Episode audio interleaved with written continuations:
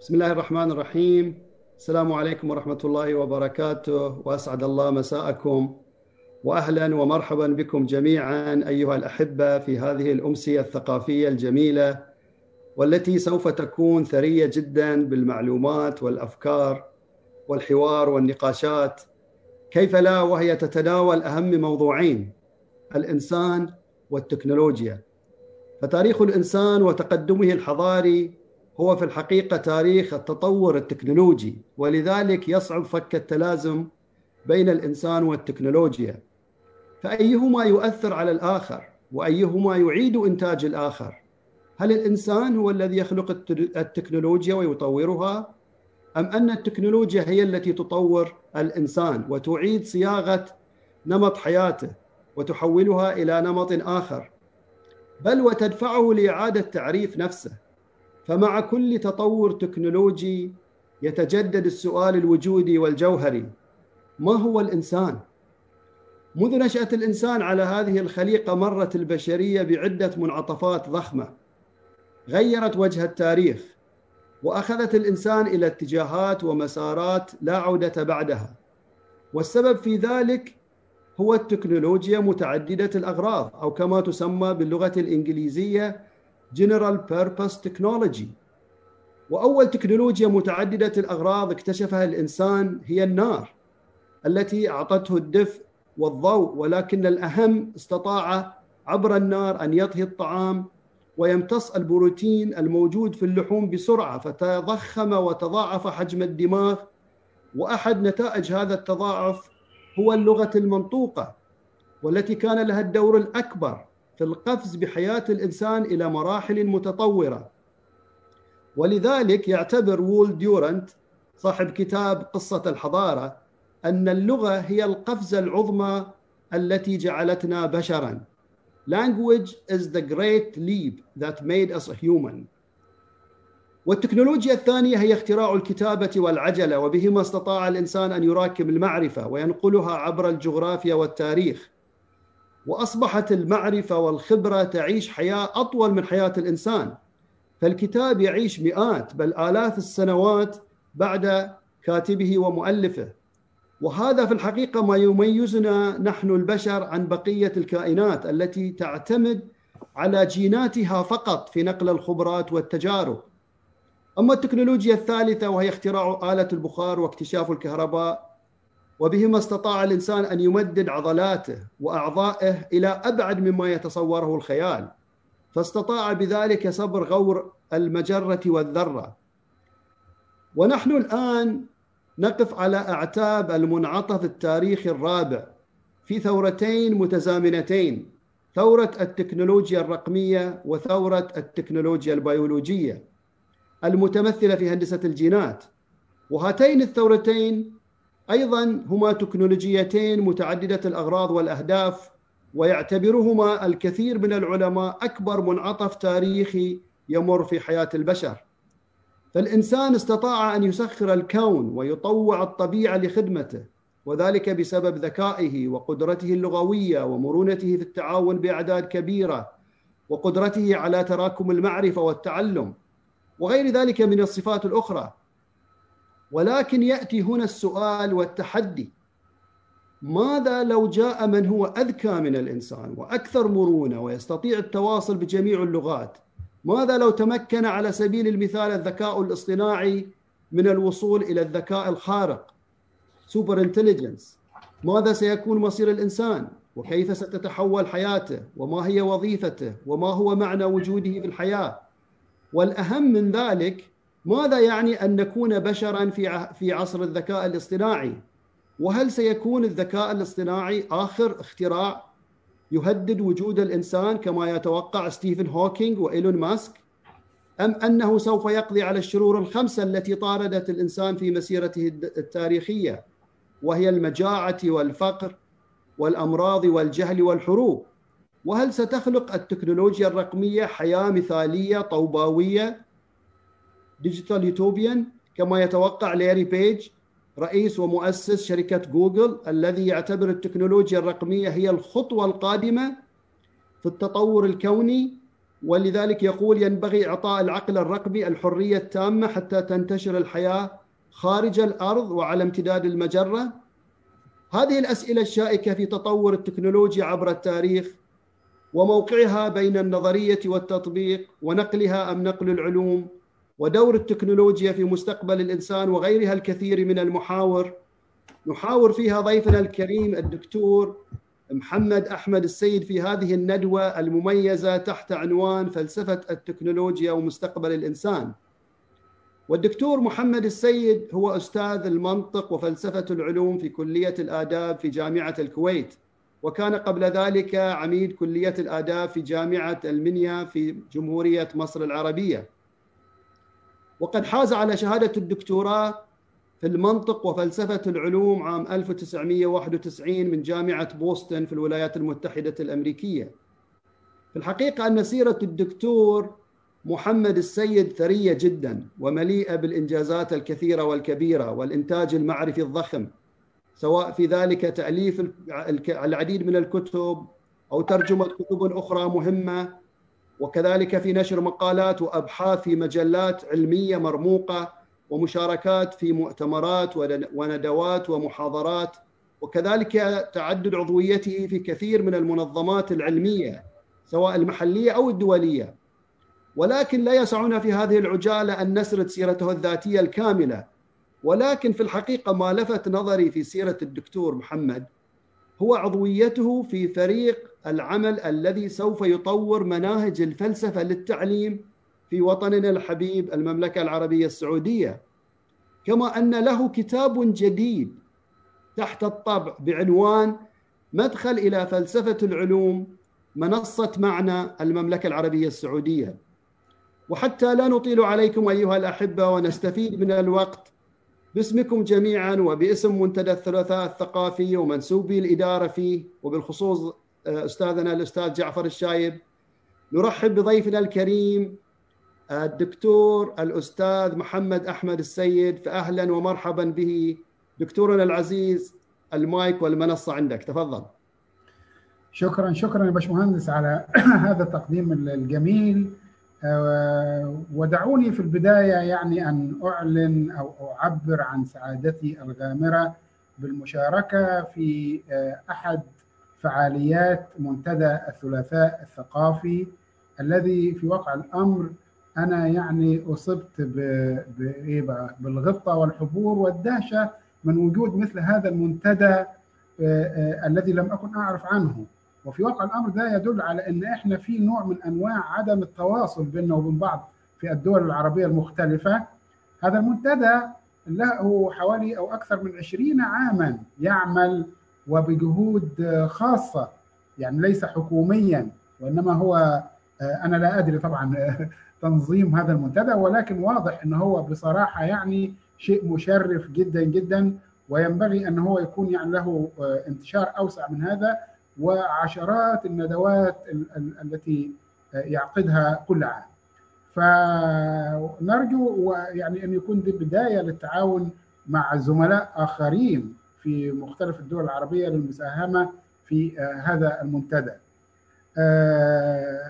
طبعا آه، الشكر في البداية للأستاذ جعفر الشايب الذي يعني آه، آه، أشرف بأنه عضو في أحد المنتديات التي نشارك فيها معا وهو منتدى اسمه الصلات يضم مجموعة متميزة ونخبة من الأكاديميين والسياسيين ويعني نخبة متميزة من المهتمين بالعمل الثقافي في مختلف الدول العربية وهو يعني ربما آه، انتبه لبعض الأشياء التي أنشرها فمشكورا عرض علي إن أنا أقوم بالمساهمة في أعمال المنتدى وهذا كان شيء يشرفني. بالطبع أنا سعيد أيضا بالمهندس حسن وبالمقدمة الجميلة اللي قالها سواء عني أو عن التكنولوجيا أيضا كل الشكر للأستاذة هدى الناصر رئيسة مجلس إدارة المنتدى التي تواصلت معي منذ البداية. أشكركم جميعا وخلوني أبدأ آه، يعني آه، لا أدري من أين أبدأ في البداية قبل أتكلم عن التكنولوجيا عن المملكة العربية السعودية وأنا لم آه، يحالفني الحظ بزيارتها ابدا من قبل ولكن أتمنى إن شاء الله أن يكون في المستقبل لنا زيارة وزيارات وهو بالفعل يعني أريد أن أقول أن أتكلم عن فلسفة التكنولوجيا ففي كلمة فلسفة في البداية كلمة فلسفة أو الفلسفة بصفة عامة يعني هي موجودة ورائجة وتجد الترحيب كانت يعني وما زالت إلى حد ما في بعض الدول العربية خاصة دول شمال أفريقيا ومصر حتى مصر. طبعا نضيف إليهم لبنان اللي هو دايما كان منارة وقلعة للتحرر والحرية والفكر الحر يعني. العراق أيضا إلى حد ما ولكن في دول الخليج الدولة الوحيدة حقيقة التي اهتمت بالفلسفة منذ البداية واحتضنتها هي كانت الكويت. وما زالت. وكانت الفلسفة تدرس في المرحلة هناك وما زالت في المرحلة الثانوية والجامعية منذ فترة طويلة جدا. بقية الدول العربية وأنا عملت فترة طويلة في دولة الإمارات وفي جامعة الإمارات وكان في قسم فلسفة ولكن بعد كده حصل نوع من التراجع للأسف الشديد. أيضا حتى لو قلنا بالنسبة لعمان أنا سريعا بس عايز اديكم فكرة هناك يعني صلات بسيطة. لا يوجد أقسام فلسفة مستقلة لا في الجامعات المختلفة ولا تدرس في المدارس بصورة مستقلة. نفس الشيء في قطر هناك اهتمام بالفلسفة ولكن لا, لا توجد تدريس في المدارس ولا الجامعة لا يوجد فيها أقسام مستقلة ونفس الشيء في البحرين يعني كل الدول العربية. أما السعودية في حقيقه الأمر دعوني أكون صريحا معكم كان في نوع من أنواع التخوف من من الفلسفة ومن دراستها ومن الحديث عنها. هذا الأمر كان موجودا من قبل. هذا الأمر بدأ يتغير وبدأ يتغير بصورة ستدهش الجميع.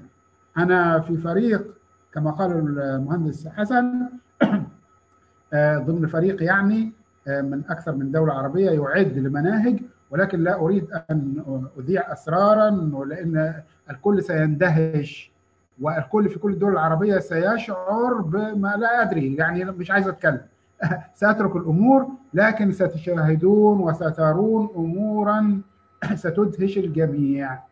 آه يعني مش هتكون الفلسفة فقط في الجامعة ولا في المدارس الثانوية. لن أزيد على ذلك. خلونا نترك الأمور آه لغاية ما إن شاء الله يعني الأمور آه كذا. يعني هنكون أفضل حتى من بعض الدول الأوروبية. أعود الآن إلى إلى موضوعنا وهو موضوع التكنولوجيا والفلسفة. طبعا حين نتحدث عن التكنولوجيا والفلسفة يعني بنتحدث عن قضية العصر القضية التي تحيط بنا ليل نهار. كل حياتنا التكنولوجيا هي كل حياتنا أو التقنية. نحن نستخدم كلمة التكنولوجيا بدل التقنية ودي قضية أخرى. لكن خلونا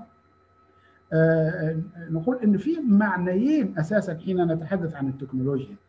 المعنيين دول للأسف منفصلين. المعنى الأول حين نتحدث عن التكنولوجيا التي سادت في العصور القديمة وربما حتى مطلع العصر الحديث. وبعد ذلك التكنولوجيا التي سادت في العصور الحديثة وتسارعت وتيرتها خلال القرن العشرين وتسارعت أكثر وأكثر بصورة هائلة خلال السنوات القليلة الماضية أو العقود. يعني نقول 20 30 سنة دخلنا في مرحلة أخرى مختلفة تماما. في البداية خلونا لما حين نتحدث عن التكنولوجيا القديمة يجب أن نعلم أن أن هناك شيء اسمه العلم. وحين نتحدث عن العلم فالعلم ليس هو التكنولوجيا. العلم نتحدث عنه هو العلم النظري. حين نتحدث عن الفيزياء والكيمياء والأحياء وغيره هذا هو العلم النظري. العلم تعريف العلم صعب جدا. بعض الناس تظن أن تعريف العلم عملية سهلة والعلم غير الأدب حين نعرف الأدب ولا الفلسفة ولا الفن ربما نجد صعوبات لكن هذا الكلام غير حقيقي. تعريف العلم أكثر صعوبة. وما السبب في ذلك؟ السبب في ذلك أن أي تعريف للعلم سنجد أنه ليس بلغة الفلسفة تعريفا جامعا مانعا. بمعنى أن ممكن أشياء من اللا علم تدخل في هذا التعريف. يعني على سبيل المثال لو أنا حبيت أعرف علم الفلك سأجد أن أي تعريف أضعه لعلم الفلك سيجعل التنجيم أو التنجيم ينطبق عليه هذا التعريف أو على جزء كبير منه.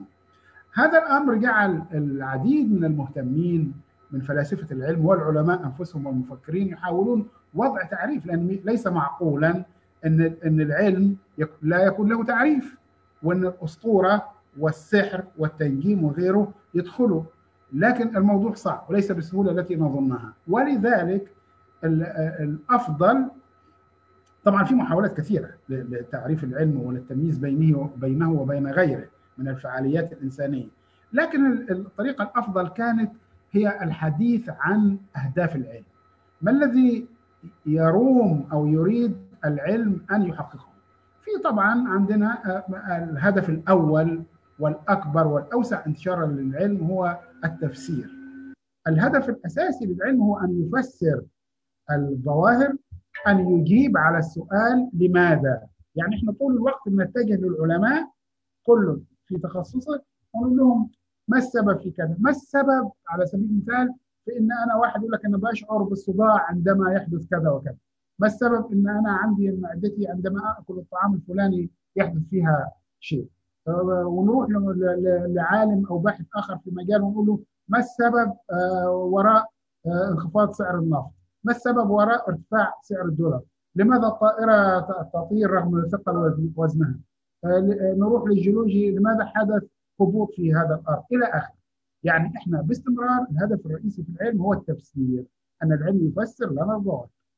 لكن هناك أهداف أخرى من بينها الوصف أن العلم يصف الظواهر أيضا واحيانا العلم يصف الظواهر ولا يستطيع تفسيرها ولكن يوصفها وطبعا قصة الوصف دي فيها يعني موضوعات كثيرة جدا أيضا التفسير في حاجة اسمها السببية وموضوعات كبيرة جدا جدا في مجال فلسفة العلم. لكن هناك هدفا من أهداف العلم مهم جدا جدا وهو في رأيي يعني أحد الأهداف التي تفرق بين العلم وبين غيره من كل الأمور الأخرى وهي التنبؤ القدرة على التنبؤ. العلم يستطيع التنبؤ بالظواهر بدقة شديدة جدا والفعاليات الأخرى تعجز وتفشل عن التنبؤ. وحتى لو تنبأت وفشلت تنبؤاتها في عندنا فيلسوف علم مشهور جدا اسمه كارل بوبر يقول إن هم لا يعترفوا ابدا بالفشل. يعني على سبيل المثال المنجم يتنبأ وعالم الفلك يتنبأ. لكن المنجم إذا فشل تنبؤه لا يعترف بأن نظريته خاطئة أبدا وإنما يحاول أن يعمل حاجة اسمها كده إنقاذ لنظريته. لا يعترف بالفشل. أما العلم فكما تعلمون التنبؤ في العلم. يكفي أن أقول لكم يعني تنبؤ بعيد. مش أقول لكم تنبؤ قريب. تنبؤ الآن التنبؤ حاجة هائلة. ولكن تخيلوا معي أن في أعتقد من حوالي 150 سنة أو أكثر قليلا كان في واحد اسمه هالي. هالي هذا تنبأ كان في مذنب يأتي في السماء ويعود كل فترة زمنية طويلة ومحدش عارف إيه هو ده. هل بيأتي في فترات يعني محددة ولا بالصدفة ولا إيه؟ ولكن كل واحد هو وعيلته وجده. واحد يقول لك جدي قال إن هذا المذنب شفناه. والآن المذنب جاء. فما هذا؟ اللي حدث يا جماعة هالي استطاع باستخدام نظرية نيوتن وغيرها إن هو يتنبأ بإن في مذنب إن هذا المذنب بيعود كل تقريبا 72 سنة مرة أخرى. وطبعا في بعض الناس سخرت من هالي. و... و... ومات وطبعا الناس خلاص نسيت هالي ومرت السنين وهو قال هيجي بعد 72 سنة وبعد مرور الفترة الزمنية التي حددها ونفس الموضع في السماء اللي حدده لاح في الافق أو في السماء المذنب من جديد. المذنب ده عبارة عن حاجة يا جماعة جسم كده ليه حاجة زي الذيل كده. آه وطبعا هذا كان تنبؤ فظيع جدا، طبعا الناس سموا المذنب على اسم هذا العالم. ولكن في علماء كثيرين جدا كانوا مظلومين وبدينا إحنا نسمي الأشياء على اسمهم ولكن بعد زمن. آه كثير كثير من العلماء مروا بهم ذلك. المهم القدرة على التنبؤ هي أحد أهم الخصائص التي تميز العلم عن غيره عن الأسطورة وعن الأدب وعن الفن وعن كل شيء طبعا بالطبع واحد ممكن فنان أو أديب أو شاعر يقول والله أنا تنبأت. أنا في قصيدة عندي تنبأت فيها بحدوث ثورة على سبيل المثال.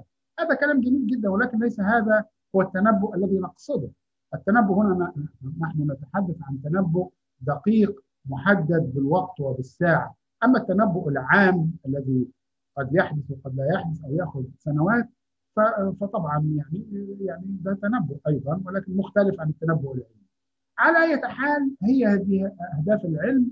التي يعني بدل ما نلجأ للتعريف ونتكلم عن ان العلم يستخدم التجارب والملاحظات وانه يكون موضوعي لأن فكرة الموضوعية في العلم والحياد تغيرت تغير كبير جدا جدا خلال السنوات ال 40 أو 50 الماضية وأصبح في حاجة ثاني في موجات موجة يعني تصدت لفكرة الموضوعية والحياد وحبت إنها تعمل عملية تغيير كبير جدا فيها وإن نقول إيه العناصر السيكولوجية والسوسيولوجية أصبحت جزء يعني كارل بوبر كان يرى أن في فرق بين حاجة اسمها سياق الكشف وسياق التبرير. ما معنى سياق الكشف وسياق التبرير؟ يعني لما واحد يقدم لي نظرية أنا ليس لي علاقة بمين هو ولا الحكومة دعمته ولا لا ولا كانت حالته النفسية سيئة ولا المجتمع العلمي ساعده ولا وقف ضده دي حاجات تنتمي لحاجه اسمها الكشف discovery اما أنا اللي يهمني justification التبرير؟ ما هي المسوغات؟ ما هي المبررات التي تقدمها لنا لكي تثبت لنا أن نظريتك صحيحة؟ أما أنت وصلت كيف وعملت إيه لا علاقة لنا بهذا الكلام.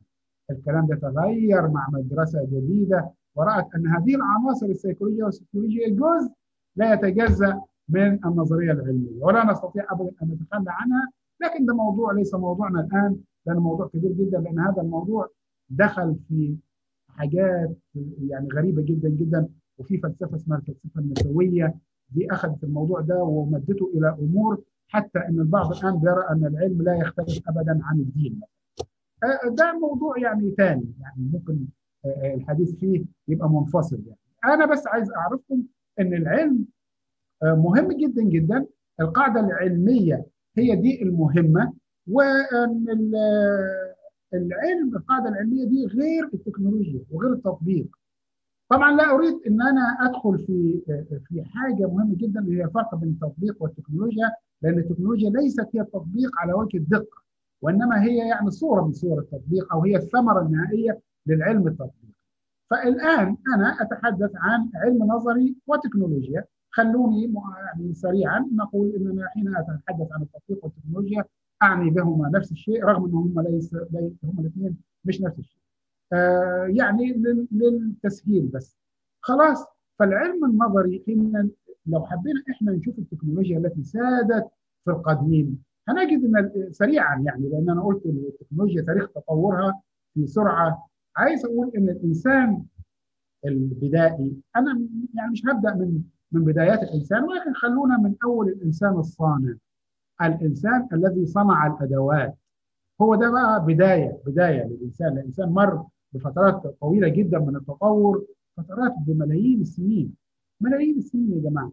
لكن إحنا بنتكلم على سنوات ليست بالملايين ولكن بعشرات الآلاف من السنين من الآن يعني. مش هنروح إحنا لملايين السنين. ونذهب إلى الإنسان الذي صنع الأدوات.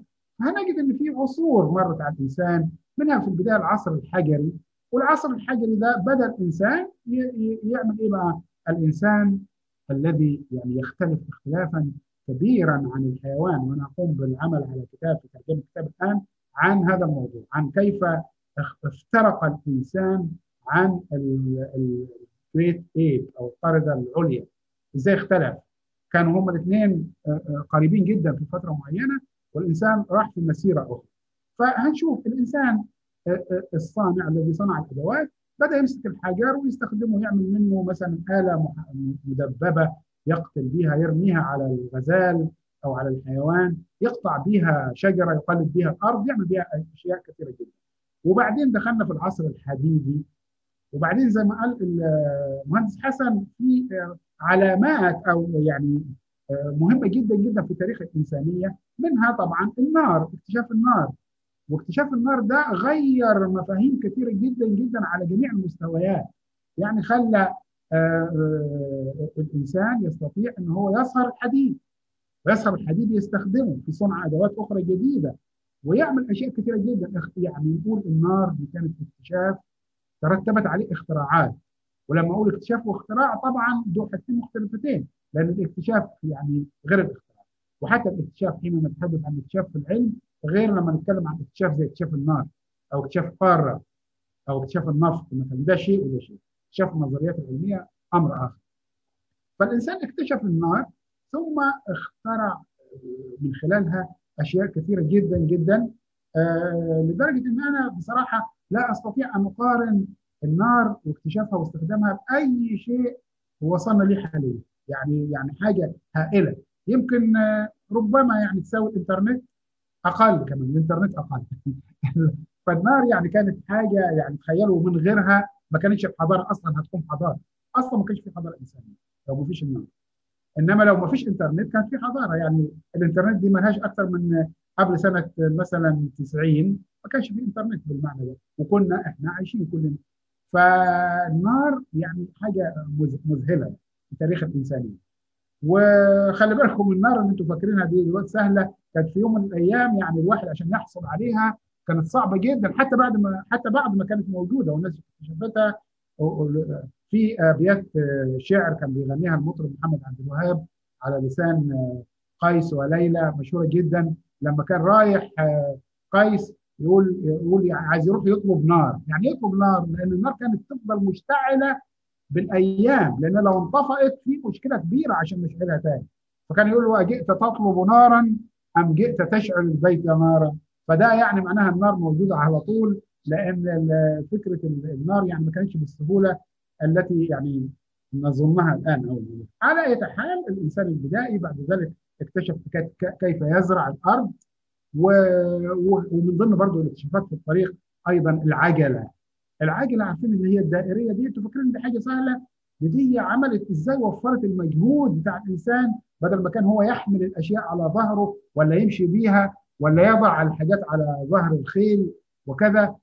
العجله شوفوا عملت إيه العجله ده في دول ما زالت لغايه الآن تستخدم هذه الوسيلة. في وسائل على فكرة استخدمها الإنسان القديم ما زالت. أنا مرة شفت برنامج عن استخدام الشادوف والسقيه التي تروي المياه وكان البرنامج ده في بعض في أحد البلدان وذهل مقدم البرنامج والمصور أن هذه التقنية ما زالت موجودة حتى الآن.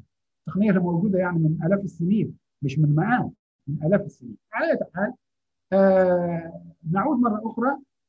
يعني الحضارات خلوني بس أشير إلى الحضارات القديمة لأن كل الكلام ده قبل نشأة الحضارات. الحضارات القديمة خاصة الآشورية والبابلية والحضارة الكبرى اللي هي الحضارة المصرية القديمة كانت بصراحة حضارة آه يعني في, النواحي التكنولوجيا. لا أريد أكيد كلكم تعرفوا آه أشياء عجيبة جدا وأشياء حتى تتعارض مع ما أريد أن أقوله. لأن أنا أريد أن أقول أن التكنولوجيا القديمة لم يكن لها صلة وثيقة بالعلم النظري يعني كانت منفصلة. يعني الإنسان القديم ما كانش في عنده علم. كل اللي كان عنده هو إيه؟ تكنولوجيا. التكنولوجيا يا جماعة غير العلم. كانت عند الإنسان القديم. ليس الآن. عشان كده أنا قلت لكم في معنيين. معنى قديم ومعنى حديث. المعنى الحالي التكنولوجيا لا تنفصل ابدا عن العلم. أما التكنولوجيا القديمة فكانت منفصلة. لم يكن هناك لم تكن هناك قاعدة نظرية. يعني لما كانش في حاجة اسمها science عند العلوم عند القدماء. وبالمناسبة عشان قبل ما أنسى ستندهشوا أن كلمة scientist يعني عالم ما أعرفش سنة 1864 ولا 1800 وكام يعني ما لهاش أكثر من 150 سنة. scientist لو دخلتوا على الكتب ما كان في كلمة scientist أمال كانوا بيسموا إيه؟ يعني واحد جيولوجي أو واحد فيزيائي كانوا بيسموها ساعات فيلسوف كانوا يقولوا عليه أو يقولوا عليه مش عارف يعمل بكذا. فجي واحد قال إيه ده؟ إيه scientist ده؟ طب ما إحنا نسميه على زي كان في artist اللي هو الفنان. فنحت كلمة artist scientist على وزن artist وفي ناس كتير جدا رفضت التسمية دي ولكن يعني صارت بعد ذلك. فالآن يا جماعة خلونا نكمل سريعا. هو إن ما كانش في علم نظري. لكن عند قدماء المصريين أعتقد أنا يعني أرجح إن كان في علم نظري. لأن ليس معقولا إن تكون الأهرامات جاية على يعني خط واحد أو على يعني خلينا نقول إيه يعني حاجة عجيبة جدا. اللي هي الأهرامات دي إنها تكون على يعني عمودية على النجم القطبي. طب إزاي يعني عمودية على النجم القطبي؟ الأهرامات الثلاثة. إزاي يعني ده هيكون بالمحاولة والخطأ؟ محاولة وخطا إيه؟ ولا مثلا أنتوا تسمعوا كتير جدا عن حاجة أكيد أنتم عارفينها اللي هي تعامد الشمس على على وجه الملك في في أكثر من معبد وخاصة في معابد أبو سمبل أنا عايز أعرف يعني إيه تعامد؟ عارفين يعني إيه تعامد الشمس؟ الشمس تتعامد على وجه الملك مرتين فقط في السنة ومش أي مرتين مرة في في يوم مولده ومرة في يوم جلوسه على العرش. طيب تخيلوا واحد بيبني تخيل أنت لو بتبني بيت عندك الآن وتجيب مهندس الآن يعني وتقول له أنا عايزك تخلي لي فتحة في البيت ما تدخلش منها الشمس غير يومين في السنة هل تعتقد إن العملية دي سهلة؟ حتى مع حتى مع النظريات العلمية اللي عندنا الآن يعني ده عملية يا جماعة يعني لو لو قلنا أن التكنولوجيا كانت منفصلة عن العلم في تلك الفترة فنحن بصراحة مخطئين ولكن ولكن هو العلم فعلا كان التكنولوجيا كانت منفصلة في معظم الأحوال لكن بعض الحضارات أو بعض اللمحات من الحضارات دي تجعلنا مندهشين ونحتاج إلى مزيد من الدراسات ومراجعة النفس في هذه الأحوال. على أي حال أنا يعني أتخطى الحضارات دي سريعا إلى الحضارة العربية الإسلامية. والحضارة العربية لا الأول الحضارة اليونانية أنا آسف يا جماعة ليه؟ لأن الحضارة اليونانية مهمة جدا جدا باعتبار إنها يعني هي كانت الحضارة السائدة وباعتبار إن الغرب بعد كده في عصر النهضة والعصور الحديثة يعني زعم معظم المفكرين إن إن حضارتهم تنتمي إلى الحضارة اليونانية. فأنا عشان كده عايز أتكلم عن الحضارة اليونانية وأقول لكم ان الحضارة اليونانية فعلا كانت مزدهرة ازدهارا شديدا ولكن ليس في الجانب التقني ليس في جانب التكنولوجيا وإنما كانت في جانب النظري. وحتى لما فيثاغورس تعرف فيثاغورس ده؟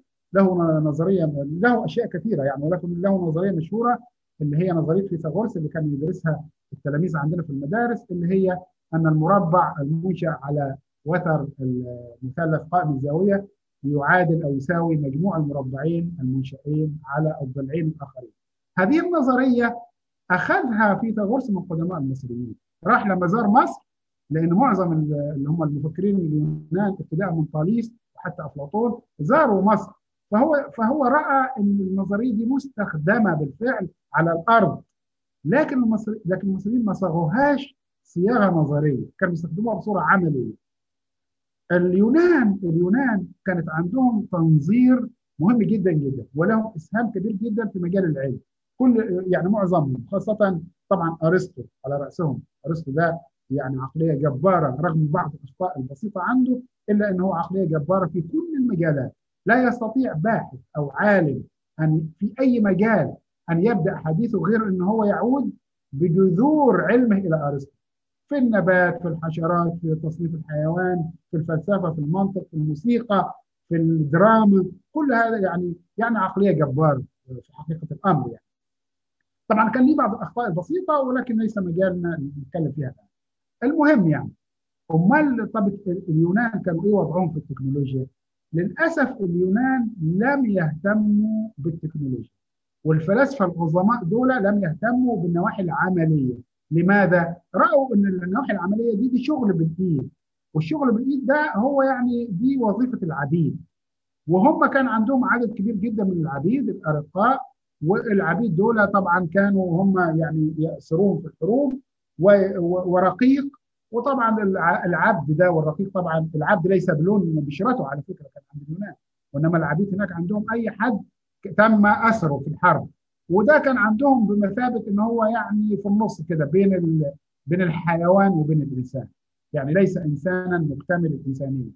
ولهذا السبب شغلتهم كده شغلتهم كده. ده في عبارة مشهورة كانت عن الناس اللي بتروح الألعاب الأولمبية وتقسيمها إلى ثلاثة طوائف. ناس جاءت تبيع وتشتري وناس جاءت تت يعني تتبارى في المضمار و و و وناس جاية تتفرج أو تشوف الوضع. وهم دول أرقى الناس واللي جايين يبيعوا ويشتروا دول أدنى الناس. فمن يعمل بيده عند اليونان كان يعني في وضع يعني متدني جدا جدا. ولهذا السبب لم تكن هناك ابدا عند اليونان أي مش أي يعني لم تكن هناك نقول إيه إنجازات أو منجزات تكنولوجية كبرى. يعني شوفوا اليونان والعصر ده والأساطير والمفكرين العظام شوفوا لنا كده أنتجوا إيه؟ اليونان هتجدوا حاجات لا تتناسب ابدا لا مع الفترة الزمنية ولا مع هؤلاء العظماء اللي كانوا موجودين. طبعا كان في بعض العلماء الكبار بنتكلم دلوقتي عن أرسطو ممكن نقول جالينوس ممكن نقول أقليدس وغيره لكن ده ما يتناسبش مع الفترات دي. ومعظم اللي بكلمكم عنهم دول ما لهمش منجزات تكنولوجية. يعني كان عندهم على سبيل المثال مش عارف حاجات كده ترفع خشبة المسرح. آه يعني حاجة آلة يعني. حاجة تشعل النيران في السفن. يعني بعض المنتجات البسيطة التي لا تتناسب مع حضارتهم ننتقل من هذه الحضارة إلى الحضارة الإسلامية العربية الإسلامية. حقيقة الأمر هي حضارة أيضا مدهشة. تختلف اختلاف كبير جدا جدا عن الحضارة اليونانية. فيها إنجازات هائلة على مستوى النظر والعمل. آه على عكس ال ال اليونان اللي هو ما كانش عندهم علماء كثير جدا. إحنا لو جينا نتكلم عن العلماء العرب يعني قائمة طويلة جدا من آه مش عايز أكلمكم بس على الرموز الكبيرة اللي هي زي جبر بن حيان والحسن بن الهيثم والرا يعني أعداد كبيرة جدا جدا. يمكن آه هذا العلم وهذا اللي كان موجود عندهم كمان المخترعات اللي عملها العلماء العرب والمسلمين يا جماعة هائلة. يكفي إن أنا أذكركم بالساعة اللي أهداها هارون الرشيد لشارلمان وخدوها حتى هناك وخافوا منها وقال لك إن فيها عفاريت لأنها بتطلع أصوات. ساعة دقيقة جدا جدا. ويكفي أن أقول لكم على العديد جدا من الأشياء. يكفي أن أقول لكم ان ان ان كوبرنيكوس اللي هنيجي نتكلم عنه سريعا إذا خايف الوقت يدهمنا كوبرنيكوس ده اللي هو عمل الثورة العلمية. حين نتحدث عن الثورة العلمية هنقول كوبرنيكوس. هذا كوبرنيكوس لا أريد أن أقول استولى ولكن من غير آه أنا وأنا طبعا على فكرة عامل بحث آه أميل فيه إلى أن كوبرنيكوس ده عبقري وكبير جدا ولكن يا جماعة من غير إنجازات العلماء العرب ما كانش ابدا ابدا كوبرنيكوس هيصل إلى ما وصل إليه.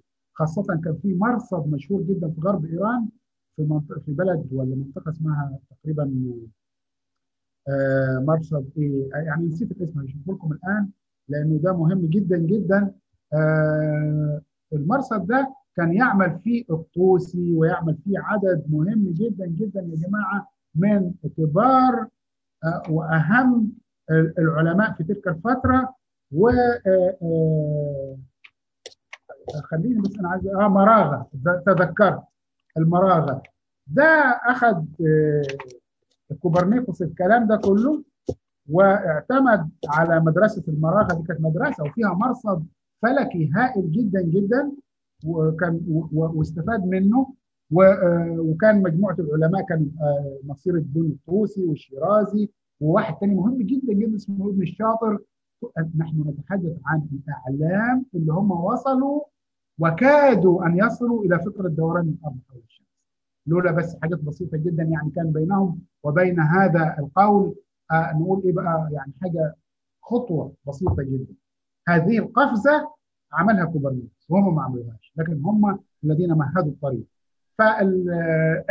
فالعلم عند العرب والمسلمين لا يقارن ابدا بال طبعا أما ليه تدهور العلم عند العرب والمسلمين؟ وليه هم بعد كده اللي هم ناموا في الخط زي ما بيقول الكلام وأوروبا يعني رجعت تنتفض مرة أخرى. ده موضوع ثاني خالص. ده موضوع ثاني مهم لأن هي تحصل الحاجة تدخل فيها يعني مشكلات علمية بمشكلات سياسية بأشياء كثيره جدا يعني تحتاج إلى حديث مستقبل والآن دكتورنا دكتورنا باقي لنا تقريبا 10 دقائق على المحاضرة. وناخذ الأسئلة وأنا أدري إنك أنت الآن عندك مشوار طويل فحبذا لو يعني تأتينا من طيب خليني الوجه الحديثه حتى نفتح المجال للأحبة خلاص خليني أختصر سريعا أنا عايز أختصر سريعا أمر بسرعة جدا على عصر النهضة في أوروبا ليه؟ ليه عصر النهضة في أوروبا مهم؟ هو عصر النهضة في أوروبا يا جماعة بدأ في القرن الرابع عشر الميلادي يعني من حوالي 600 700 سنة. ليه هو مهم جدا؟ لأن في أسئلة كثيرة جدا عندنا إحنا في بلادنا العربية دايما تقول ليه إحنا ما عملناش نهضة؟ طب إحنا حاولنا نعمل نهضة من من بداية القرن العشرين ولكن فشلنا، إيه السبب؟ آه تعرفوا ليه السبب؟ لما تشوفوا عصر النهضة في أوروبا هتجدوا حاجة ما حصلتش عندنا ابدا وهي أن النهضة في أوروبا يعني تمت يا جماعة الثورة، ثوره في كل المجالات مش في مجال واحد، إحنا مشكلتنا إن عندنا ثورة مثلا في مجال والمجال الثاني لا. أما اللي حصل حاجة عجيبة جدا حصلت في أوروبا ثورة في مجال الفن على رأسها كان ليوناردو دافنشي ومايكل أنجلو. أكيد تعرفوا عنهم وأنا مش عايز أتكلم عنهم ده حاجة هائلة. وثوره في مجال الأدب. وعلى فكرة طه حسين حب يعمل زي أوروبا وكان بيتبنى وجهة النظر دي إن إحنا ندرس الأدب اللاتيني واليوناني. وهم عملوا كده. وثورة في مجال مثلا آه نقول إيه مثلا؟ الدين. مارتن لوثر وعمل ثورة وعمل البروتستانتية. ثورة في مجال السياسة. مين بقى كان؟ ماكيافيلي كتاب الأمير. أي مجال من مجالات المعرفة الإنسانية هتجدوا فيه ثورة. طبعا اللي يهمنا إحنا في في محاضراتنا دي اللي هي ثورة في مجال العلم. وطبعا ودي المهمه جدا جدا. يعني أنا كنت عايز أكلمكم كثير جدا عن ماكيافيلي وعن ليوناردو وعن الناس دي بس مفيش وقت يعني. دي عايزة محاضرة من ثلاث ساعات. خلونا نقول على مين بقى؟ على العلم. العلم في الفترة دي كان في ثورة. الثورة دي هي الثوره الكوبرنيكيه اللي هي كوبرنيكوس. إيه الثوره الكوبرنيكيه دي؟ عمل باختصار شديد جدا. كانت الناس كلها بتعتقد إن إن الأرض هي مركز الكون وإن كل الكواكب بما فيها الشمس وغيره بتلف حوالين الأرض. عشان كده الإنسان كان مبسوط وفرحان وفاكر نفسه هو في مركز الدنيا والدنيا كلها بتلف حواليه. كوبرنيكوس قال لا الكلام ده خطأ. اعتمادا على الكلام اللي قلت لكم عليه من عند العرب والمسلمين هو برهن على إن لا اللي في المركز هي الشمس مش مش الأرض. وإن الأرض هي والكواكب الثانية بتلف حوالين نفسها وبتلف حوالين الشمس إلى آخره. فده عمل الثورة. الثورة دي هو يعني مات كوبرنيكوس ولم يتعرض لأي أذية ولا شيء لأنه كان حظه إنه ما حدش التفت لكلامه. ولكن جه بعد كده جاليليو هيدافع عنه فرانسيس بيكون. يا جماعة في واحد اسمه فرانسيس بيكون مهم جدا جدا. ده أعلن حاجة يعني شعار اسمه العلم قوة knowledge is power. المعرفة قوة. المعرفة يعني إذا لم تكن قوة إذا لم تكن أداة أو وسيلة للتغيير فلا قيمة لها. وطبعا نتكلم عن حاجة اسمها الأوثان أو الأصنام الأيدولز اللي تعوق سير الذهن البشري وعنده أربع حاجات مختلفة. أخطاء يعني كلنا بنمر بيها لا مجال للحديث عنها. أتخطى كل ده وأروح بسرعة إلى القرن التاسع عشر. عندنا واحد اسمه كارل ماركس مهم جدا جدا في الكلام ليه في التكنولوجيا وأهميتها. وبعد كده نقفز إلى القرن العشرين طالما إن مفيش وقت للكلام. القرن العشرين يا جماعة آه وجدنا إن في يعني التكنولوجيا الفلسفة تعاملت معها على أساس إن في وجهتين نظر، وجهة نظر بترى إن التكنولوجيا دي هي الملاذ والمنقذ والمخلص للإنسان من كل المشاكل التي يمر بها وإن إحنا التكنولوجيا دي لا مناص لنا من التعامل معها وقبولها وخلاص أصبحت هي يعني هي هي اللي هتحل لنا كل المشاكل. ودي عاملة زي في حاجة في العلم اسمها ساينتزم اللي هي العلموية، العلموية إن بعض الناس بتظن أن العلم يستطيع حل كل المشاكل وإن هو يعني يحل محل حتى الأشياء الروحية، فالبعض الثاني بيرى لا إن التكنولوجيا وليس العلم النظري التكنولوجيا. طبعا الفصل بين العلم النظري والتكنولوجيا ده خطأ كبير جدا اللي أنا كنت عايز أتكلم عنه عن نقل التكنولوجيا. آه طيب خلاص. وفي بعض الثاني العكس. بيرى إن التكنولوجيا هي السبب في المشاكل وفي الاكتئاب و... وإن هي جعلت الإنسان شيء سلعة تباع وتشترى وإن الإنسان آه أي نعم آه مثلا آه متوسط عمر الإنسان الآن بعد ما كان 45 سنة من حوالي من حوالي أقل من قرن الآن متوسط عمر الإنسان في معظم في معظم دول العالم يعني تعدى ال 70 وفي دول حتى من بينها دول الخليج يمكن وصل 75 و76 وهكذا. لكن هذا الإنسان أصبح إيه بقى؟ اللي هم معارضين للتكنولوجيا. أصبح هش. أصبح يعني يعني إيه؟ صحته معتلة. لا يستطيع الإنسان إن هو يستغني عن تقدر تستغنوا عن المكيف في الصيف. شوف كده كل واحد يشوف جده ولا جدته كانوا بيعيشوا إزاي. كلنا يعني. الآن المكيف لو ما اشتغلش 10 minutes الواحد يحس ان هو هيموت. طيب الآن كانوا أيام زمان. كيف الرحلة؟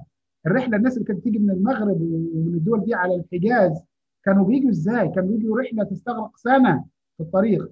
الآن لو ركبتوا طيارة تخيل لو واحدة فيكم راكبة طيارة مسافرة وقالوا لك بس والله الطيارة دي مش هتقدم وجبة.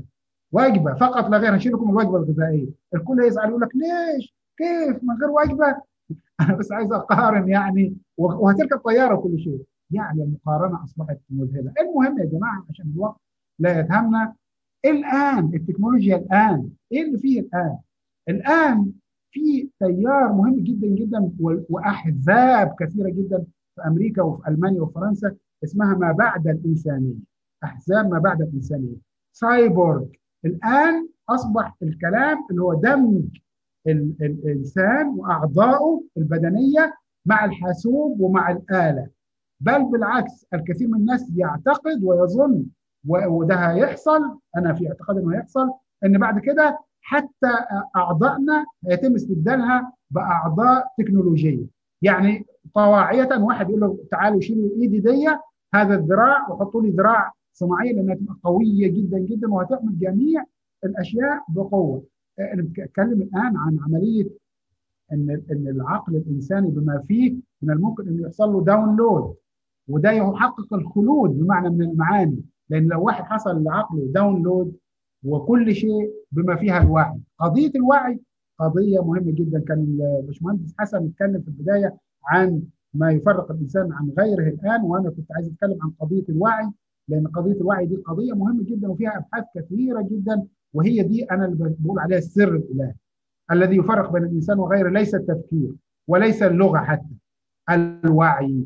نحن نمتلك الوعي أي أننا نعرف ونعرف أننا نعرف.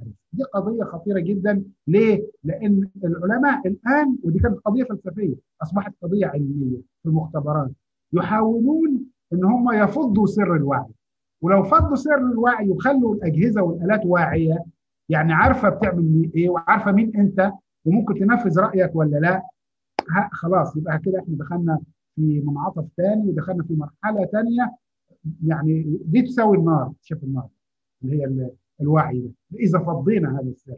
حتى الآن الأبحاث جارية وفي إحباطات وفي إنجازات كبيرة جدا بس ده موضوع ثاني اذا يا جماعة أعود مرة أخرى لحكاية إيه آخر حاجة اتكلم فيها؟ نقل التكنولوجيا. في بعض المسؤولين في بلادنا كثير جدا يقول لك إحنا عايزين ننقل التكنولوجيا. هذا خطأ كبير جدا جدا. ليه؟ لأن التكنولوجيا الآن لا تنفصل عن العلم النظري. وحتى إحنا عندنا في بلادنا للأسف الشديد في كل البلاد العربية على فكرة وليس في بلد دون آخر حاجة اسمها كليات القمة. إيه كليات القمة دي؟ كليات القمة دي يقول لك الطب والهندسة.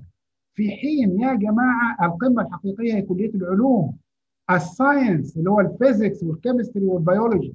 إحنا الهندسة هي عبارة عن إيه الهندسة؟ عبارة عن آه الهندسة دي نقول إيه؟ واحد بيجمع بين العلم النظري وبين العلم التطبيقي في النص كده okay؟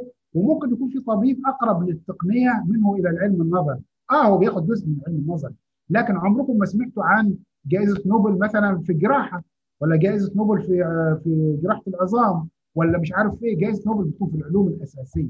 إحنا بعض المسؤولين يقولوا إزاي؟ إحنا ننقل التكنولوجيا. هو فاكر نفسه إنه لو جاب مصنع ولا جاب شوية آلات يبقى هو كده نقل التكنولوجيا يقول لك آه جبنا مصنع يعمل رقائق الكمبيوتر عندنا. ستظل معتمد على من زودك بهذا المصنع. إذا لم تعرف القاعدة العلمية اللي ورا ده القوانين التي تحكم ده الجزء الثيوريتيكال النظري ستظل تستورد يمكن كان في فترة معينة كان في حاجة يمكن توقفت الآن اسمها الهندسة العكسية. ودي كانت زمان حتى في مصر في فترة من الفترات وفي بعض الدول العربية يقول لك إحنا نستورد المدفع أو السيارة ونفك المدفع ده ونعيد تركيبه بحيث نعرف اتعمل إزاي ونصنعه إحنا. الكلام ده كان زمان لما كانت الحاجات ميكانيكال لما كانت السيارة تعتمد على حاجة اسمها رادياتير لو أنتم عارفين السيارات القديمة. الآن خد الآيفون أهو موجود عندك عند كل دول العالم. كده فك الآيفون وحاول تعمله تاني. نو no واي ليه بقى؟ لأن في أشياء كثيرة جدا جدا. لازم تكون عندك أشياء إذا لم تمتلكها ستظل تنقل التكنولوجيا إلى الأبد. معلش أنا طبعا عندي موضوعات كثيره كنت عايز أتكلم على كوفيد 19 وإزاي ال DNA وال RNA وصلنا يعني العلم النظري والتطبيق في هذه الجزئية. ولكن الوقت طبعا يعني مش عارف. فأنا بشكركم جميعا يعني على إتاحة الفرصة لي للحديث وإذا كان في أي أسئلة أنا معكم يعني وشكرا. دكتورنا العزيز اولا نتقدم لك بالشكر الجزيل. حقيقة يعني أخذتنا في رحلة من بداية الإنسان وإلى المستقبل. مررت بنا حول أول تكنولوجيا وهي النار والتي تعتقد أن هي يعني أكبر تكنولوجيا غيرت مسار الإنسان.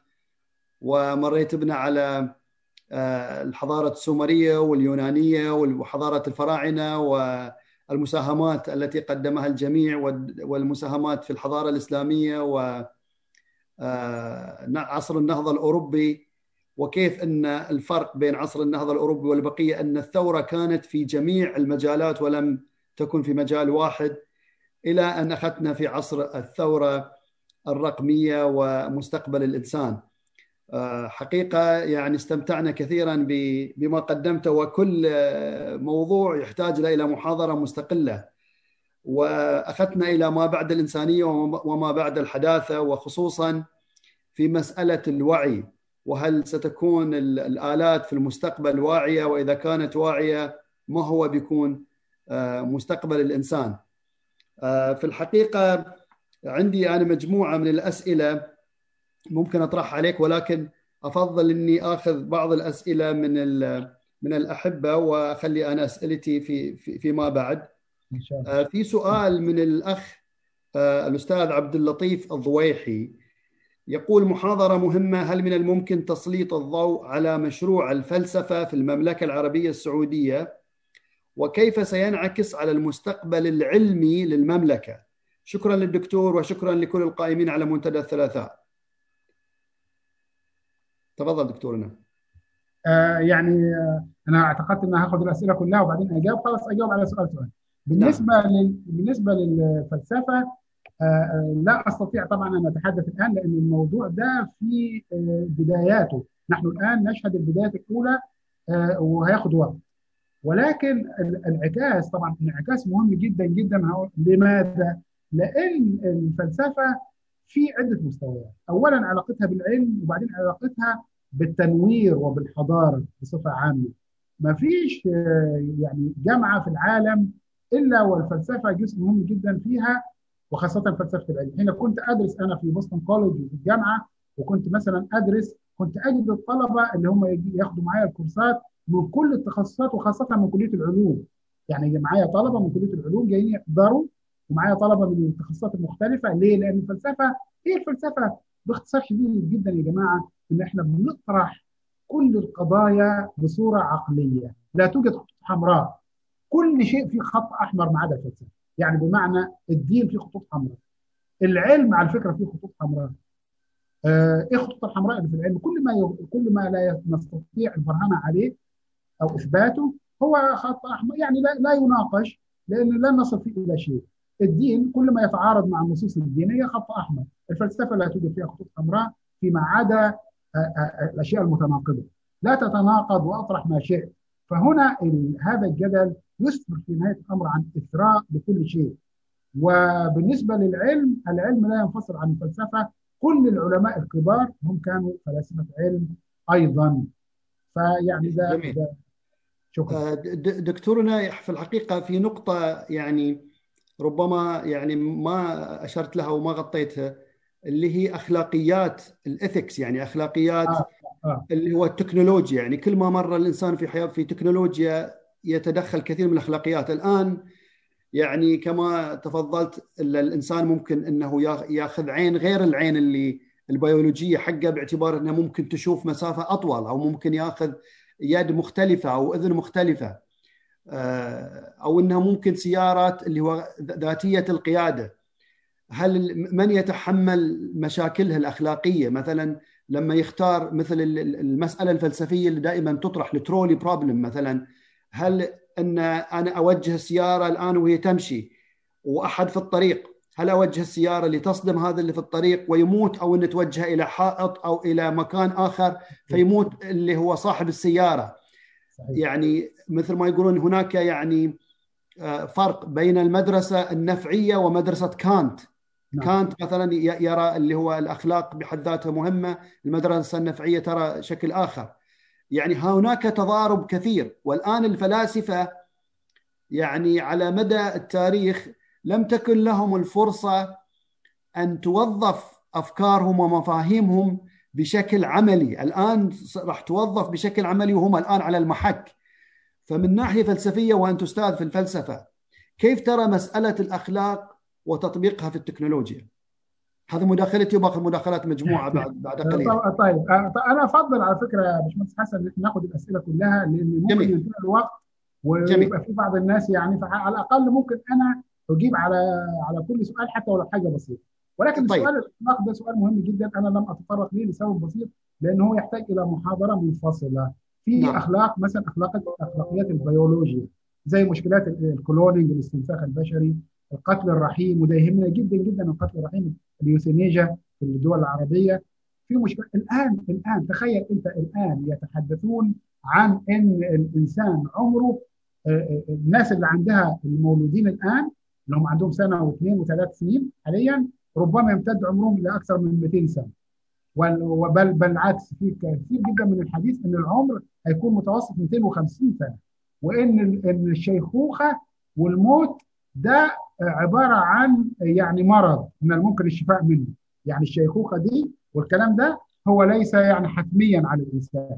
الإنسان ليس هناك أمامه طبعا أنا بقول الكلام ده مش أنا موافق عليه. أنا بقول الكلام ده لكي أعرض لكم ما الذي يدور وما الذي يتحدث عنه الناس؟ لأن في مشكلات إنسانية واجتماعية وأنا هفترض جدلا إن الإنسان ممكن عمره يعني يمتد إلى 500 سنة. طب هل حد فينا عنده استعداد إنه يعيش هذه الحياة الرتيبة يعني 500 سنة؟ ده إحنا زهقنا بس من زمان. حتى لو كل حاجة متوفرة. على أي حال المشكلات الأخلاقية اللي تتعلق بالأخلاق دي مشكلات هائلة وكبيرة جدا. وعايز أقول لكم من أهميتها ومن أهمية علاقتها بالفلسفة لأن في ناس كثيره ما تعرفش إن كل الرؤساء الأمريكان حتى ابتداء من كلينتون وربما قبل منه دايما يعمل لجنة للأخلاق والأخلاق البيولوجية يكون فيها واحد أو أكثر من فلاسفة.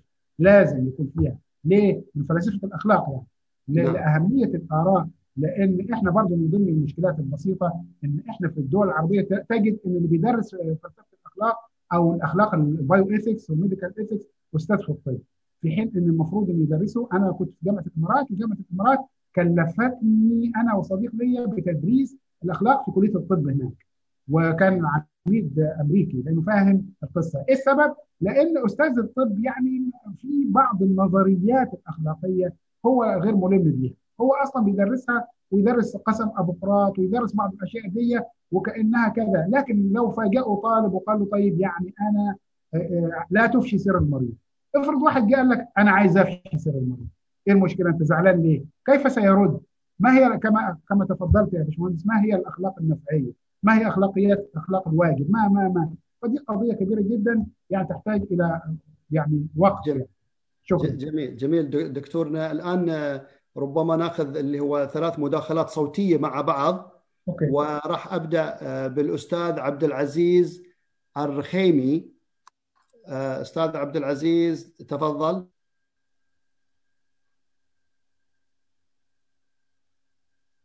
المايك عندك أستاذ عبد العزيز؟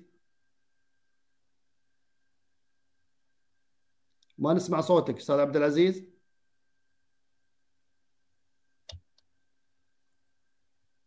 آه راح ننتقل إلى في واحد اسمه آيفون وفي الحقيقة لا أعلم يعني ما كتب اسمه فراح آه أطلب من عنده أن آه يفتح المايك. السلام عليكم.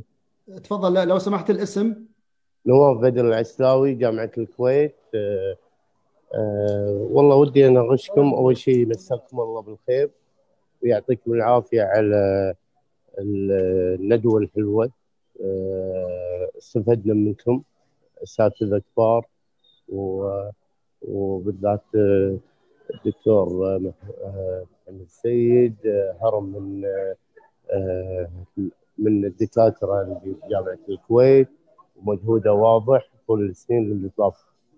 أنا أتكلم عن الموضوع بخصوص التكنولوجيا أنا ايد هو صدق في مميزات حق التكنولوجيا بس انه في شغلة ثانية إن أنا عارض إن اللي قاعد يستخدم التكنولوجيا بوقتنا الحالي قاعد يستخدمونها بالطريقة الخاطئة. يعني لو تشوف التليفون يا دكتور استخدام التليفون حاليا بالجيل الحاضر قاعد يستخدمونه بطريقة خاطئه مثل قاعد آه، ما في آه، تجمعات. يعني حتى لما تجتمع ويا الأهل والاغارب والأصدقاء تشوفهم الكل مشغول تلفونه ماسك تلفونه أرجو أن توجه السؤال مباشرة لو سمحت لأن وقتنا ضيق وعندنا مداخلات كثيرة. لو سمحت يعني عزيز. وجه السؤال إلى الدكتور بشكل مباشر. أوجه السؤال السؤال نعم. اوجه حق الدكتور. الدكتور شنو قال؟ قال التكنولوجيا وما التكنولوجيا أنا عارض الدكتور لأنه في شغلة.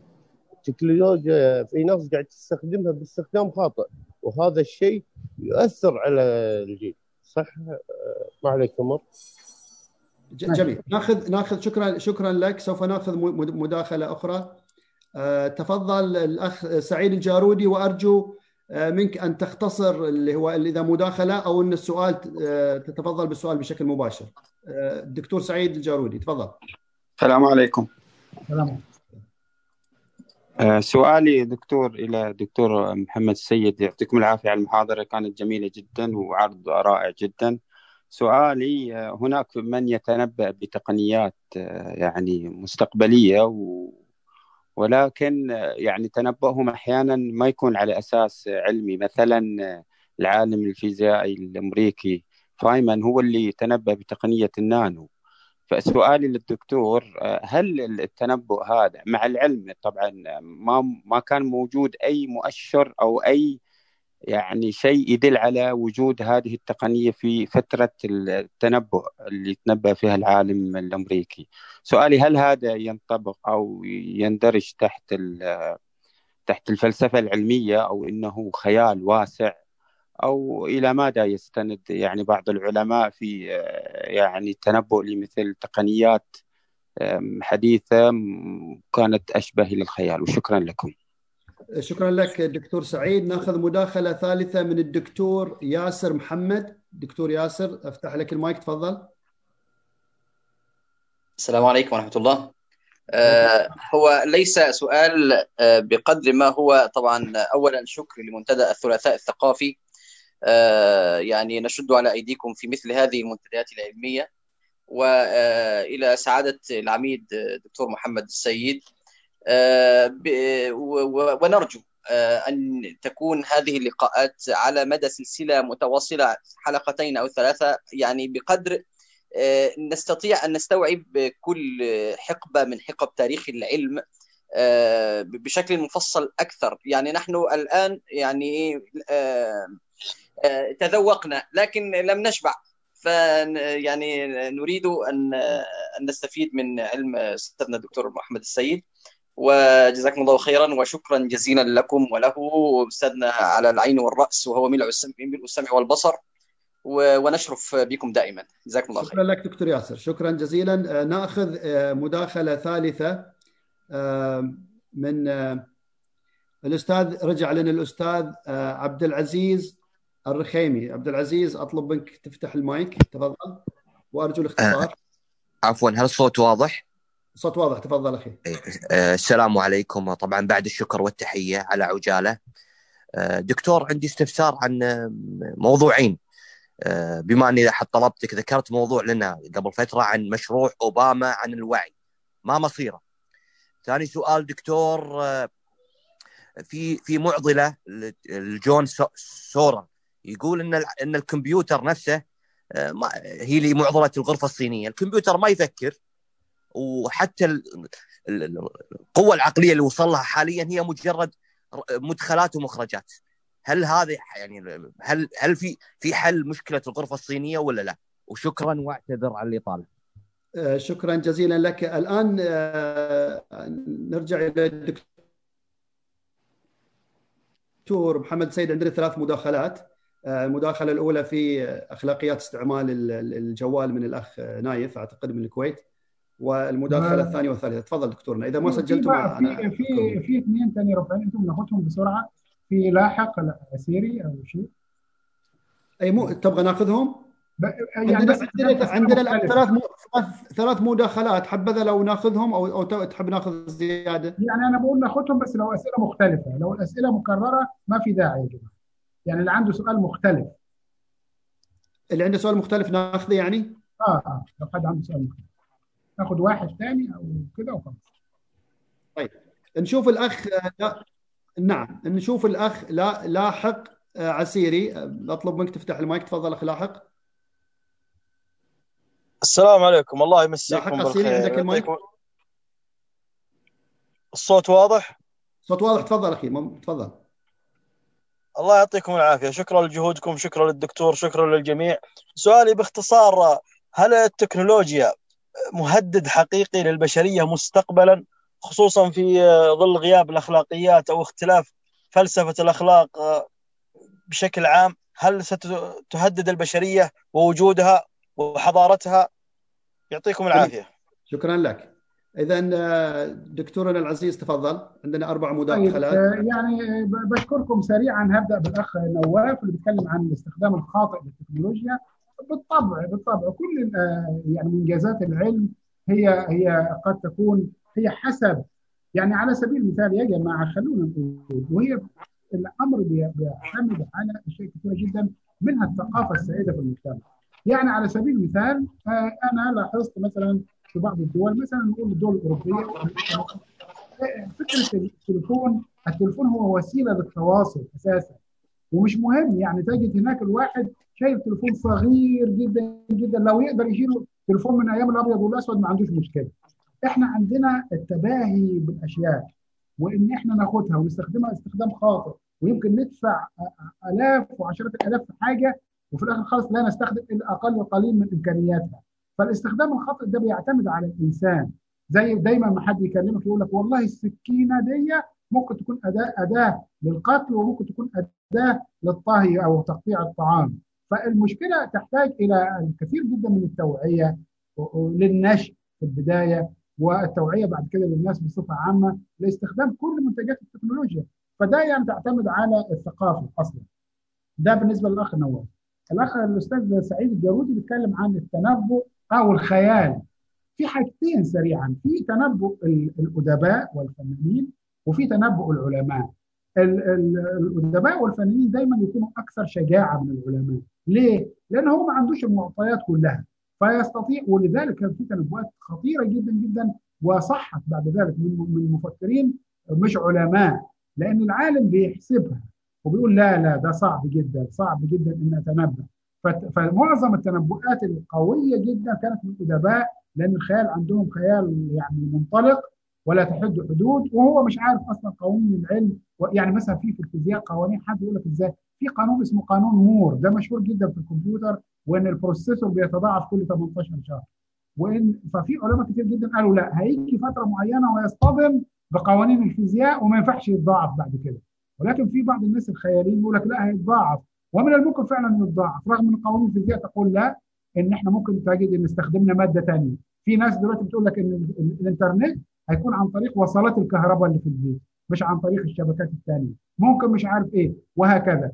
فحكاية الخيال والتنبؤ في علماء كثير جدا يتنبؤوا وفي علماء كثير جدا يعني التنبؤ الحقيقي للعلماء لا يزيد عن بضع سنوات.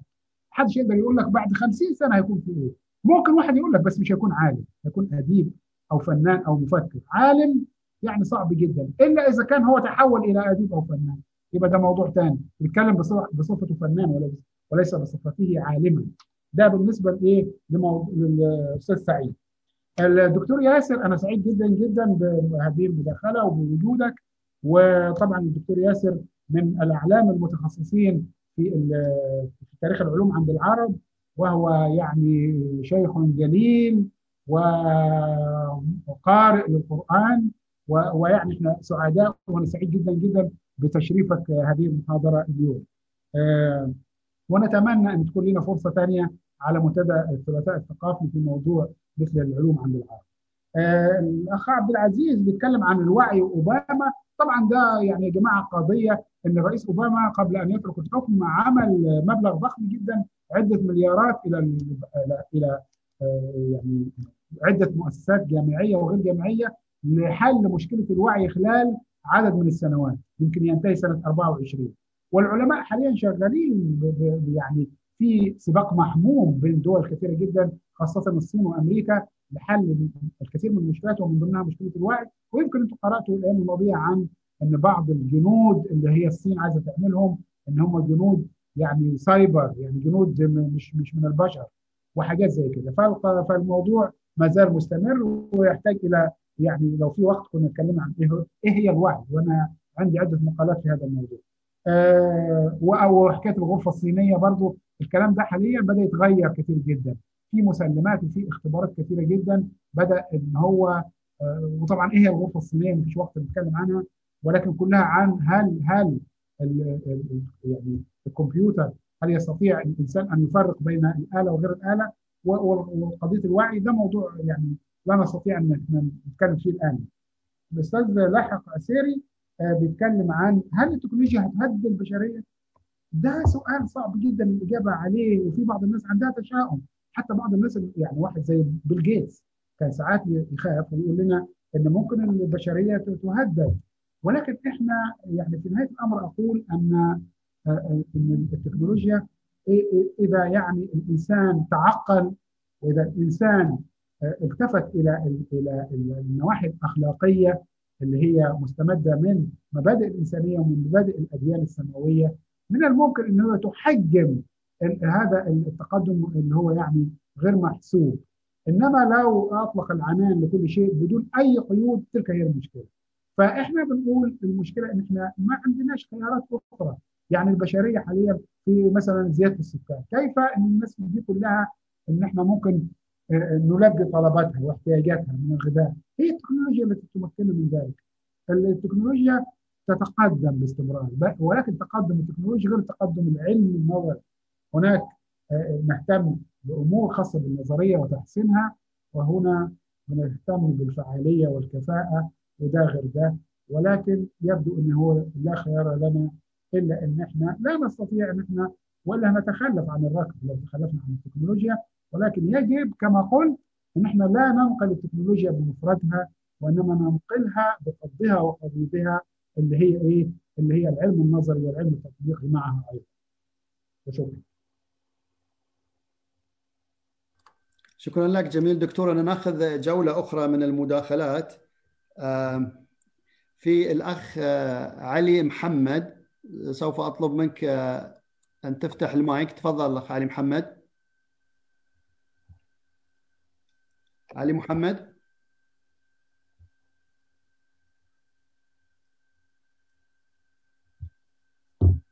علي محمد. علي محمد. الاخ حسين شبكشي ممكن تفتح المايك وتتفضل. أيضا عندك مداخلة. أستاذ حسين شبكشي.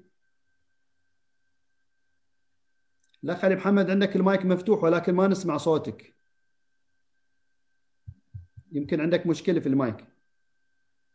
طيب آه ناخذ أحد الأسئلة آه المطروحة. آه المكتوبة. سؤال يقول من من الأستاذ علي سعد محمد وهو أحد الطلبة عندك دكتورنا العزيز. كما ذكرت من قبل عن فيلسوف فرانسيس بيكون بقوله عندي المايك فتح عندي. حسين تفضل. حسين شو حسين شبوكشي إيه. آه بس كان في مشكلة في المايك. آه تحياتي للجميع وعندي سؤال هل في انحياز ثقافي لاتجاهات الخيال. يعني في هل تمييز لغوي ثقافي نحن نعيش حقبة الانجلو ساكسونيه وبالتالي الخيال كله محكوم بخيال انجلو ساكسوني الصين لكي تساير الخيال الجديد يجب أن تكون تفكر بطريقة انجلو ساكسونيه أم ممكن تفكر بطريقة صينية؟ وطبعا ما ينطبق على الصين ينطبق على غيرها. شكرا. جميل. آه شكرا لك. آه الأخ آه علي محمد هل لا يزال موجود؟ عندك الم... سوف افتح لك المايك تفضل. آه نعم. هل عفوا هل في صوت؟ في صوت تفضل. آه آسف على اللي صار لكن حاب أمسي على الدكتور محمد سعيد وأنا احد طلبته وحاب أشكرك هم من أستاذ حسن على الندوة الطيبة إن شاء الله. آه سؤالي هو هناك تعقيب بما قاله الدكتور بخصوص الفيلسوف فرانسيس بيكون بأن بمختصر مفيد بأن العلم هو قوة. فهناك هنا أنا من وجهة نظري القوة ليست بمحلها لأن هذه القوة سوف تؤدي إلى مشاكل كبرى وتؤدي إلى محو البشرية ومثل ما قال الدكتور هناك استبدال في اطراف البشرية وما إلى ذلك. فهذا يؤدي إلى إطالة عمر الإنسان إلى أبعد مدى. فلا يكون هناك تكاثر ولا يكون هناك أي إبداع في ذلك. فهذا ينهي حقبة البشرية بالكامل. وشكرا وآسف على الإطالة. شكرا لك أخ علي محمد.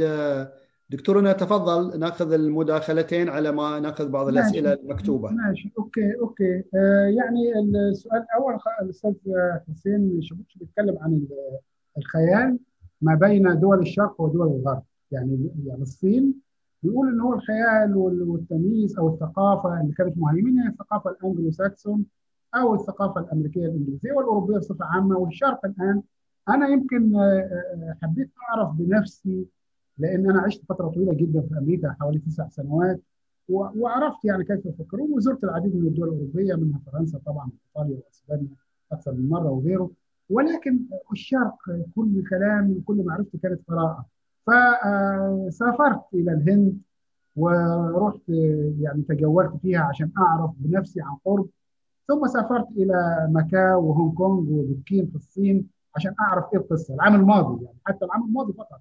سافرت إلى الصين قبل كورونا بشهور قليلة يعني. المهم يعني يا جماعة أنا أريد أن أقول إن خلينا نقول إن بالفعل الصين نجحت فيما لم ننجح.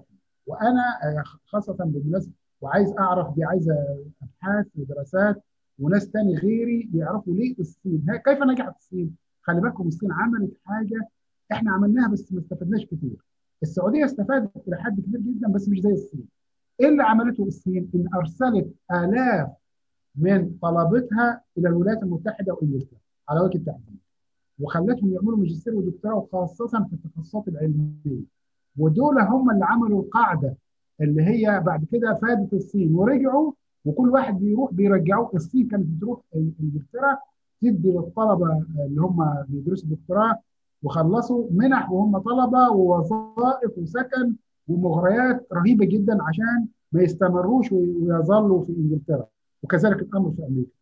طبعا استفادوا استفادة كبيرة جدا، أما إن الثقافة اللي هي دي الأمر بدأ يتغير كثيرا يا أستاذ حسين وان ان إن حاليا معظم الحاجات اللي هي المنتجات هتجد إنها تأتي من الشرق. الآن كل هات لي أي حاجة هتجد إنها يا إما مصنوعة في الصين يا في تايوان يا في كذا حتى المنتجات الغربية اللي كانت موجودة أيام زمان الآيفون حاليا مصنوع في شوف كده ميد ان تشاينا الأشياء مصنوعة فين؟ في سنغافورة في تايوان هونج كونج كل دول أصبحت بس الناحية الثقافية السبب الرئيسي إنها مش متسيدة العالم وإنها يعني دي عقبة. لا أدري كيف سيتم تجاوزها. اللي هي إيه يا جماعة؟ تعرفوا إيه هي؟ اللغة. لأن اللغة الإنجليزية كانت وما زالت حتى الآن مسيطرة. وعقبة اللغة اللي هي دي دي أنا مش عارف كيف يتم التغلب عليها. يعني الصين حين تتسيد العالم. إحنا ما درسناش لغة صينية إلا يعني جيوب بسيطة جدا وبعض الناس بتدرس لكن اللغة الصينية مش متسيدة.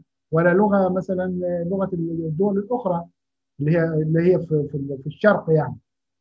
فاللغة الإنجليزية ما زالت حتى حتى الصينيين لما بينشروا بيضطروا ينشروا باللغة الإنجليزية ينشروا أبحاث وكده.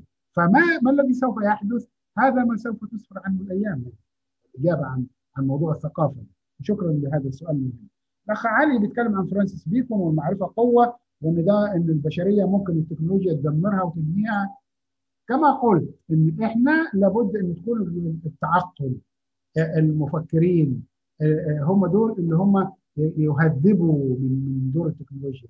التكنولوجيا من الممكن إنها تبقى بلا يعني لازم تكون في كوابح أخلاقية. يجب أن لا نترك العلم للعلماء فقط وإنما يجب أن يكون في مفكرين. عشان كده كما قلت إن الرئيس الأمريكي اللي هو أي رئيس يعني لما بيجي يعمل لجنة بي بيكون فيها ناس مختصة بالأخلاق ناس مختصة بالنواحي النفسية السيكولوجيه السوسيولوجي ما تكونش لجنة علمية خالصة. لأن لأن العلماء أنفسهم بأنفسهم يعني لا يكفوا إن هم يسيروا الأمور هم يسيروا العلم. فالتكنولوجيا لا مناص لنا لا نستطيع إن إحنا نشوف نظرة سوداوية. نعم التكنولوجيا لها آثار سلبية كثيرة جدا على جميع المستويات لكن ده لا يجعلنا ابدا إن إحنا نقول لا لا, لا سنرفضها. لا نملك مثل هذه الرفاهية. شكرا. جميل شكرا لك دكتورنا العزيز. في الحقيقة أنا ودي أرجع إلى سؤال الأخ المتعلق بالوعي والغرفة الصينية وسؤال حقيقة مهم.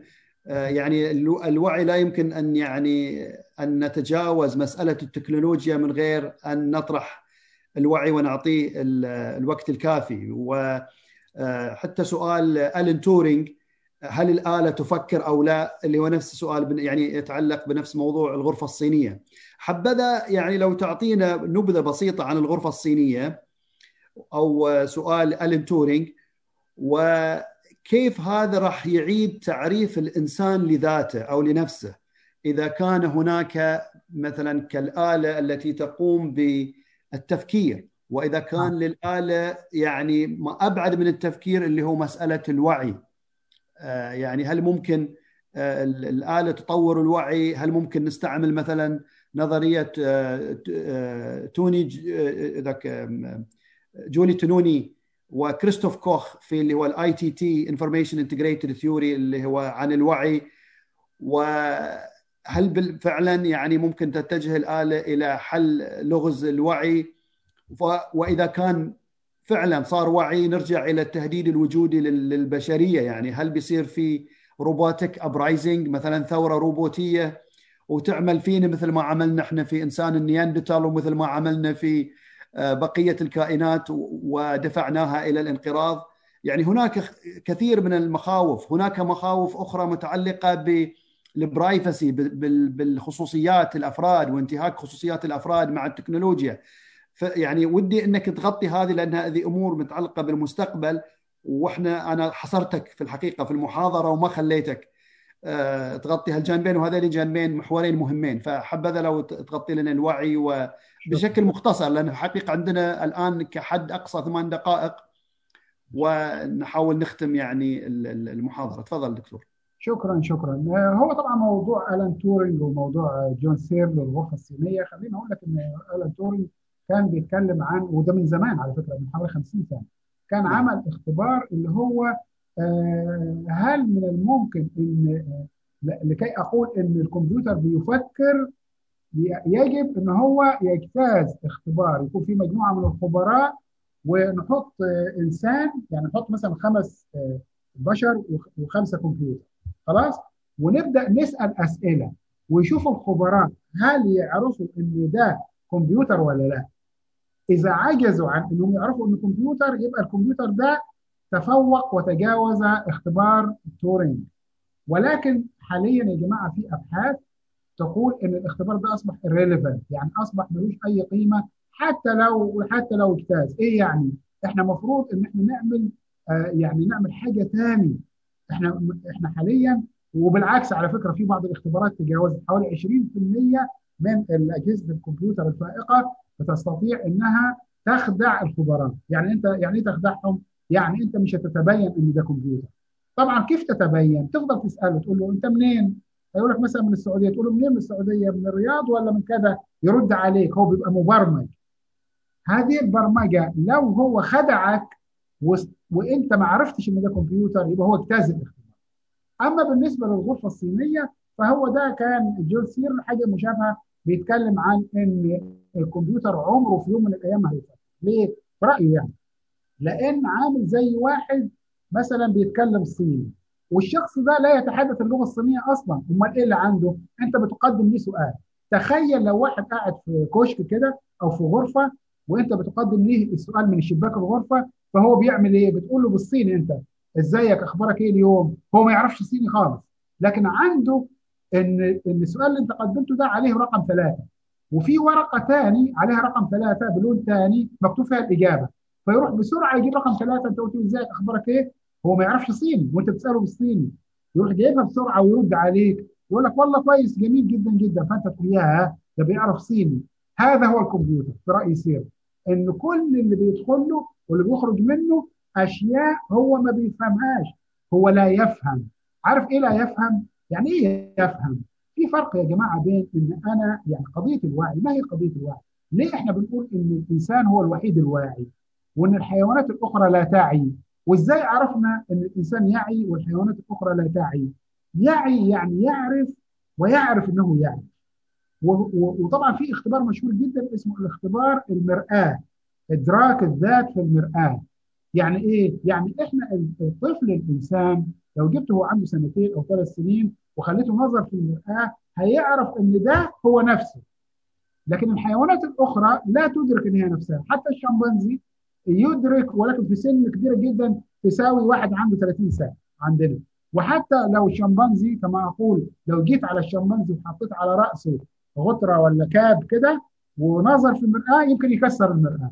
يفتكر إن في شمبانزي غيره هو اللي موجود. إنما الإنسان أو الطفل حتى الخمس سنوات مهما عملت عشان كده ده الوعي. هو يعي نفسه. ده اختبار بيتعامل يعني اختبار بسيط في اختبارات أخرى كثيرة لكن قضية الوعي الآن كما قلت أنا إنها بدأت تحصل فيها آآ آآ كلام كتير جدا وما هو الوعي؟ وهل الوعي هو مجموع ال functions مجموع ال ال ال الوظائف؟ يعني الوعي مش موجود في حتة معينة في, الدماغ. المخ اللي هو المخ يعني ال brain ما فيش منطقة معينة ده دي نظرية ولكن في نظريات أخرى كثيرة جدا. النظريات دي اللي شغالين عليها العلماء حاليا استفادوا إنهم في السكة عرفوا حاجات كثيره جدا مالهاش علاقة بالقضية الأصلية اللي هي قضية الوعي يعني هو بيبحث عن الوعي لكن في الطريق اكتشف بعض حاجات. يعني ال gene editing اكتشف مثلا حاجات خاصة بال بال بالشجاعة. يعني من ضمن الحاجات الغريبة جدا إن في حاجة لو أنا شلتها الإنسان مثلا أو الفار طبعا كل الحاجات دي على الحيوانات إن الفار يعني عنصر الخوف يبقى ما عندوش خوف. لو جبت له قطة ولا خمس قطط هيدخل عليهم ويقول لهم أنا أسد. ليه؟ لأن نزعنا جين الخوف من عنده. فأصبح هو دلوقتي كده يتوجه ليهم دي حاجات جانبية لأن العلماء دايما يا جماعة بيبحثوا في حاجة ممكن يكتشفوا حاجة ثانية كثير جدا من بعض الأدوية والعلاج بنشوفه بيكون أصلا مش مخصص للمرض ده وبنكتشف. قضية الوعي ما زالت قضية يعني شغالة حاليا. في مختبرات كثيرة جدا كل يوم تيجي بتاع ده بس في إحباطات كما قلت ليه؟ لأن في ناس كتير جدا تقترب وبعد كده يقول لك لا بعدنا خالص ولدرجة إن في بعض الناس هيوصفها اليأس من إن إحنا مش هنعرف والله في الآخر الوعي ده إيه. ده علماء من يقولون ذلك. ليه أنا بقول علماء؟ لأن قضية الوعي كانت قضية فلسفية ويمكن بدأت مع واحد اسمه فيلسوف فرنسي اسمه ديكارت كان بيفرق بين الجسم وبين العقل ولكن قضية الوعي قضية كبيرة جدا قضية ما زالت فيها أبحاث تترى وتأتي كل يوم كثيرة ومتخصصة ويعني ممكن نبقى نتكلم عنها بالتفصيل إن شاء الله. جميل. شكرا جزيلا دكتور. الحقيقة يعني يعني أعتقد مساله الوعي محتاجة إلى محاضرة خاصة وخصوصا هل إن الوعي مجرد أو إن الوعي يعتبر مادة أو انه كيف ينشأ المجرد من المادة وهل هو ظاهرا يعني نشوئية تنبثق أو انه هي وكيف تنبثق وكما تفضلت يعني ممكن مثلا لما أشيل أحد الجينات يتأثر المشاعر الخوف أو الشجاعة أو غير ذلك. الموضوع شيق جدا ويحتاج إلى وقت طويل وقد داهمنا الوقت عندنا الآن فقط دقيقة واحدة. أو يعني أحب أن أقدم الشكر الجزيل لك على هذه المحاضرة القيمة جدا جدا وباسمي وباسم منتدى الثلاثاء كذلك واطلب من الأخ الدكتور محمد الحماقي لإلقاء الكلمة الأخيرة قبل أن نختم هذه المحاضرة. تفضل دكتورنا العزيز. كم. شكرا لك عزيزي الأستاذ حسن. شكرا أيضا للدكتور. الحديث عن مستقبل الإنسان محاولة صبر أغوار سؤال الحضارة وأسباب التقدم والتراجع وأمر يستحق هذه المحاولة النبيلة. وربما ساعات أكثر من التفكير والحوار والنقاش كما أن العلم هو الهيكل الأساسي لمركب الحضارة في العصر الحالي الذي يمكننا من الفهم التنبؤ والتحكم فإن التكنولوجيا هي المحرك للتقدم وتبقى هي أدوات بحاجة للإنسان الوعي، الإنسان الأخلاق والأمة التي تمنح الثقة والدافع للمنافسة والاستمرار. سعيد جدا لتواجد هذا العدد من الأكاديميين من الطلاب من المثقفين والمهتمين بأسئلة التكنولوجيا والمستقبل. كل الشكر والتقدير للدكتور محمد السيد والأستاذ حسن. مرة أخرى على هذه الندوة المثيرة للاهتمام وكل الشكر لاستماعكم ضيوفنا ونلتقيكم في الأسبوع القادم. شكرا لكم والسلام عليكم ورحمة الله وبركاته. شكرا لك دكتور محمد. دكتور. شكرا لكم جميعا. أشكركم. على هذه الندوه المميزه شكرا. شكرا لك. في الأول والأخير شكرا. في أمان الله. في أمان الله.